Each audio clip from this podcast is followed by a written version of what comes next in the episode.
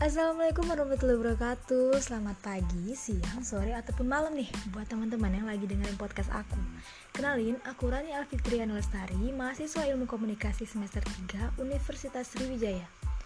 Podcast ini aku buat untuk memenuhi ujian akhir semester mata kuliah Teknologi Komunikasi Yang diajar oleh Bu Miftah Pratiwi Esikom Pada podcast kali ini, aku akan ngebahas tentang dampak teknologi komunikasi seperti yang kita lihat pada masa sekarang ini, banyak sekali perubahan yang terjadi di bidang komunikasi. Dimulai dari bentuk komunikasi yang sederhana sampai pada komunikasi elektronik. Perkembangan yang terjadi dengan cepat di bidang komunikasi membuat para ahli menyebutnya sebagai revolusi komunikasi. Perubahan yang cepat ini didorong oleh adanya berbagai penemuan di bidang teknologi, sehingga apa yang dulu merupakan kendala dalam kegiatan komunikasi sekarang sudah terbuka lebar. Teknologi dengan segala kelebihannya telah membawa aspek yang menguntungkan dalam kehidupan aspek manusia. Namun, aspek-aspek kemanusiaan yang selama ini dibutuhkan dan ada dalam pergaulan sosial menjadi kering. Dampak akibat benturan perkembangan teknologi modern pada manusia atau pengaruh kuat teknologi pada kehidupan sosial.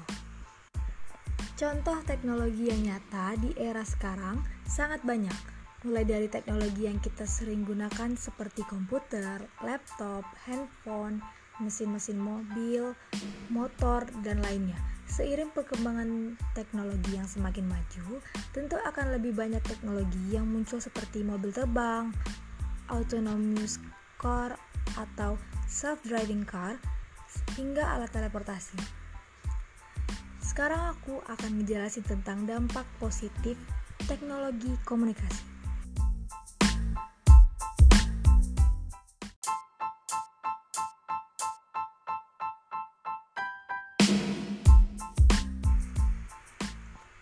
Yang pertama yaitu menghubungkan orang-orang di seluruh dunia. Perkembangan teknologi komunikasi saat ini memiliki dampak global. Artinya, jika dahulu kita memiliki keterbatasan jarak untuk bisa berkomunikasi dengan orang lain, tidak demikian dengan sekarang. Tidak terbatas antar kota dan antar wilayah saja, komunikasi saat ini dapat terjalin bahkan ke semua orang yang ada di seluruh penjuru dunia. Bukan hanya itu saja, kita pun dapat terhubung dengan sangat cepat, bahkan dalam hitungan detik saja. Yang kedua, penyebaran informasi yang cepat. Perkembangan teknologi juga memberikan dampak positif pada penyebaran informasi. Jika dahulu kita mengandalkan surat kabar atau televisi untuk tahu informasi terkini, sekarang internet mengambil peran keduanya. Kehadiran internet membuat penyebaran informasi terjadi dengan sangat cepat, bahkan real time apa yang terjadi di detik ini di belahan bumi lain dapat secara langsung kita ketahui saat itu juga. Yang ketiga, munculnya media sosial. Salah satu perkembangan teknologi komunikasi yang ditandai dengan munculnya media sosial, media sosial adalah sarana untuk kita bisa terhubung dengan teman, keluarga, kerabat di mana saja melalui suatu platform khusus. Contoh sosial media yang banyak dipakai oleh masyarakat adalah Facebook, Instagram, dan Twitter. Selain menghubungkan kita dengan teman lama dan kerabat yang jauh, media sosial dimanfaatkan untuk kepentingan bisnis, melakukan promosi dan jual beli lewat media sosial, bahkan kini menjadi cara yang sangat efektif dalam mengumpulkan pundi-pundi rupiah. Yang keempat, sarana berbagi file. Perkembangan teknologi komunikasi yang ada sekarang juga memudahkan kita untuk berbagi file mulai dari musik, video, film, dan berbagai data lainnya dapat kita peroleh dengan beberapa klik saja. Melalui media perantara internet, kegiatan berbagi file ini menjadi lebih mudah lagi untuk dilakukan. Yang kelima, memajukan dunia pendidikan. Perkembangan teknologi komunikasi yang pesat juga mendukung kemajuan dunia pendidikan. Kini, masyarakat yang tinggal di pelosok atau desa-desa terpencil juga dapat menikmati internet loh. Oleh karena itu, informasi yang seka, yang mereka dapatkan saat ini tidak bergantung pada narasumber buku saja. Melalui internet, para siswa mendapat tambahan pengetahuan dan wawasan yang baru dengan sangat mudah dan cepat. Pemerataan pendidikan pun sekarang menjadi hal yang tidak mustahil lagi, mengingat teknologi komunikasi sekarang sudah dapat dirasakan manfaatnya bahkan di tempat terpencil. Sebagai contohnya, aku ambil sekarang kan kita lagi di masa pandemi nih, COVID-19 dan di saat sekarang ini kita diharuskan untuk belajar di rumah melakukan semua kegiatan tuh di rumah. Dianjurkan deh bukan di bukan diharuskan. Dianjurkan untuk melakukan uh, belajar di rumah dengan perkembangan teknologi seperti sekarang ini kita bisa melakukan belajar di rumah melalui aplikasi saja. Aplikasi Zoom, Google Meet, terus Google Classroom dan masih banyak lagi. Iya kan, semua pasti ngerasain dong sekarang ini sangat dipermudah oleh teknologi. Bahkan kita dianjurkan juga untuk berkantor di dalam rumah. Maksudnya work from home atau bekerja di dalam rumah nih. Dengan adanya teknologi seperti sekarang ini, kita bisa meeting di mana aja. Di rumah pun bisa meeting loh sama teman-teman yang di luar sana gitu yang jauh dari kita, di beda kota, di beda negara, bahkan di waktu yang berbeda. Maksudnya, jika di Indonesia sekarang jam 8, mungkin di Amerika sana jam berapa? Jam 9 atau jam 10 kan? Di samping memberikan dampak banyak banyak dampak positif, ternyata masih ada dampak negatif nih yang bisa terjadi dalam perkembangan teknologi komunikasi. Kemajuan teknologi komunikasi yang ada sekarang justru menurunkan semangat juang bagi sebagian orang karena segalanya terasa mudah. Banyak murid yang hanya murni melakukan copy paste, copy paste dalam mengerjakan tugas-tugas yang diberikan nih. Jarang banget sekarang tuh murid-murid baca buku, males. Mending lihat di internet aja. Kalau enggak, kita bisa baca buku lewat internet juga kan, atau jurnal-jurnal.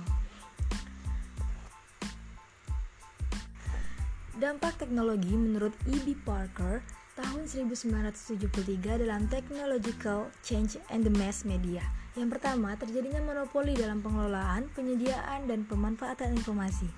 Yang kedua, tidak meratanya nih distribusi informasi. Yang ketiga, kurangnya isi pesan yang bersifat edukatif. Yang keempat, terjadinya polusi informasi. Yang kelima, terjadinya invasi terhadap privasi. Yang keenam, timbulnya permasalahan yang berkaitan dengan hak cipta. Berbagai dampak um, negatif nih dalam teknologi komunikasi. Yang pertama dari dampak sosial. Munculnya media sosial dan alat-alat komunikasi serba efektif dan efisien merupakan salah satu faktor yang mengakibatkan lahirnya manusia-manusia individual dan egois. Orang cenderung melakukan hal-hal yang lebih pragmatis untuk berinteraksi sosial. Mis melakukan kontak sosial secara langsung diasumsikan sebagai sesuatu yang ribet, tidak memberikan keuntungan, membuang waktu, bahkan dikatakan sebagai ketinggalan zaman. Tetapi dengan adanya teknologi ini, kita memang bisa selalu berkomunikasi dengan orang-orang yang jauh di sana. Cuman kita jadi males untuk keluar rumah berinteraksi sama orang, ya kan? Yang kedua, dampak budaya. Terjadinya akulturasi budaya secara sadar atau tidak perubahan sistem nilai dan norma, terjadinya kecenderungan gaya hidup hedonis, aliran-aliran yang bertentangan dengan budaya semakin mudah masuk. Yang ketiga, dampak ekonomi, yaitu turunnya produktivitas lokal karena banyaknya produk luar yang menyebar ke dalam negeri yang semakin diminati oleh masyarakat. Lalu terjadinya aksi tipu menipu di berbagai situs jual beli online yang diminati oleh masyarakat dan mampu membuat rugi orang-orang yang terkena penipuan tersebut. Terus terjadinya kesenjangan sosial di antara kalangan masyarakat. Yang keempat yaitu adalah dampak politik. Kurangnya privasi suatu negara karena semakin canggihnya teknologi membuat negara-negara lain dengan mudah mengakses informasi yang ada dan terjadinya penyadapan terhadap suatu negara yang dilakukan oleh negara lain. Yang lalu, canggihnya teknologi yang dimanfaatkan oleh para teroris sehingga membuat jaringan teroris semakin pintar dan merajalela. Tidak semua orang mengerti tentang teknologi dan sulit untuk mengaksesnya di daerah-daerah pedalaman yang sulit untuk mendapatkan sinyal. Sekarang aku akan ngebahas tentang penanggulangan dampak teknologi komunikasi. Yang pertama dengan diberikan pemahaman kepada masyarakat tentang cara menggunakan teknologi yang baik dan tidak melanggar etika sehingga teknologi dapat digunakan sebagai alat informasi yang dapat menopang keberlangsungan hidup manusia. Yang kedua, memblokir situs-situs yang dapat mengantarkan pada hal negatif sebagai antisipasi untuk memfilter diri sendiri dan orang lain. Yang ketiga, menggunakan teknologi sebaik mungkin dengan mengakses situs-situs yang bernilai positif dan mempunyai nilai pendidikan. Yang keempat, tetap menjaga diri agar tidak mudah terpengaruh oleh berbagai penawaran yang ditawarkan oleh situs tertentu tanpa mengetahui manfaatnya. Yang kelima, mengatur waktu penggunaan teknologi agar tidak memunculkan rasa candu. Yang keenam, tidak terlalu mengekspos berbagai kegiatan harian Anda karena akan memunculkan kesempatan bagi para orang jahat yang mengambil keuntungan dari hal tersebut. Yang ketujuh, berinternetlah dengan sehat. Maksudnya, berinternet sesuai dengan kebutuhan yang Anda butuhkan. Jangan berlebihan.